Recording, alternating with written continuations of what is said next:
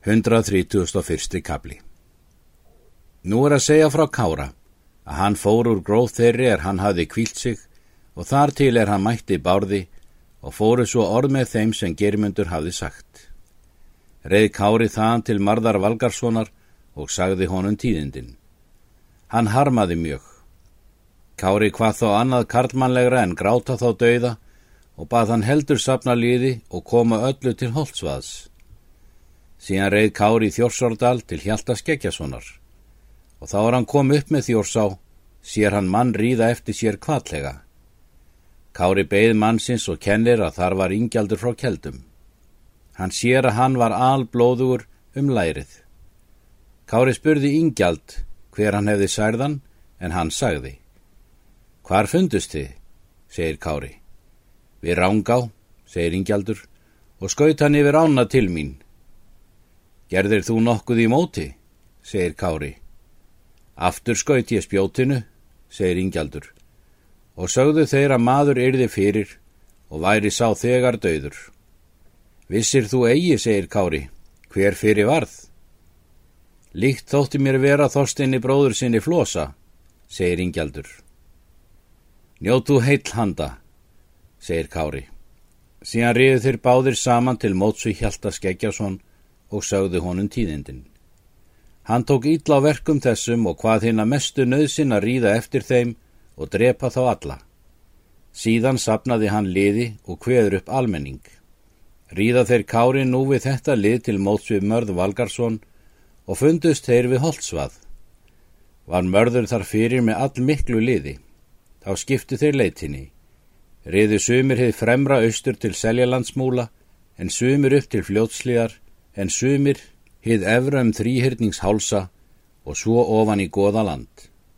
Þá riði þeir norður allt til sands en sumir til fiskivatna og hörfu þar aftur.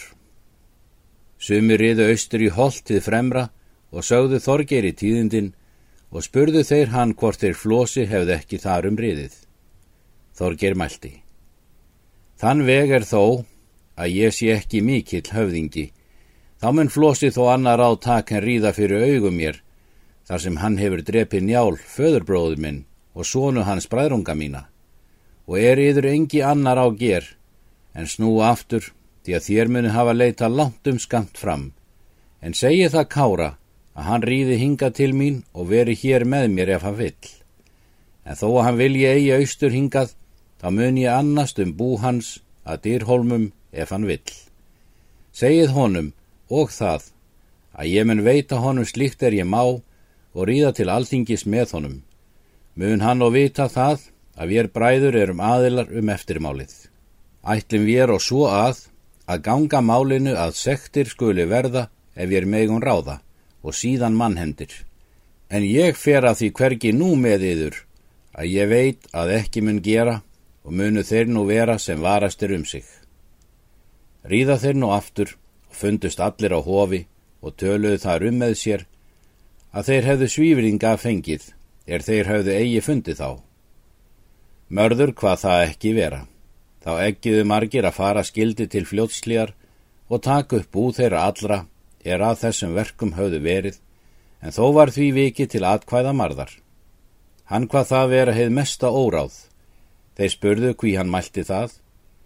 Því, segir hann, Ef bú þeirra standa, þá munu þeir vitja þeirra og kvenna sinna og munu þá þar meiga veiða á er stundir líða. Skuli þér nú ekki efa yður að ég skal trúr kára í öllum ráðum því að ég á fyrir sjálfan mig að svara. Hjalti bað hann svo gera sem hann hétt. Þá bauð Hjalti kára til sín. Hann hvaðst hangamundi fyrst ríða. Þeir sögðu og hvað Þorgir hafi bóðið honum að hann lést þess bóð síðar neyta skildu en hvað sér vel hugum segja ef slíkir væru margir. Dreifðu þeir þá öllu liðinu. Þeir Flósi sá öll tíðindi þar sem þeir voru í fjallinu. Flósi mælti.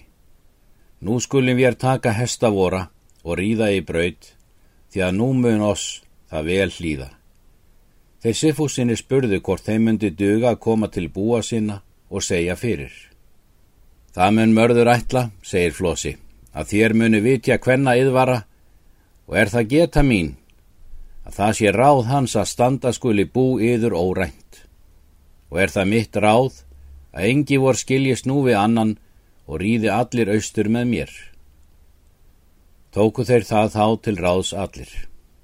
Riðu þeir þá í braut og fyrir norðan jökul og svo uns er komið til Svínafells. Flósi sendi þegar menn að dragað föng svo að engan hlut skildi skorta. Flósi hældist aldrei um verk þessi, en það fann engi maður hræðslu á honum og var hann heima allan veturinn fram um jól.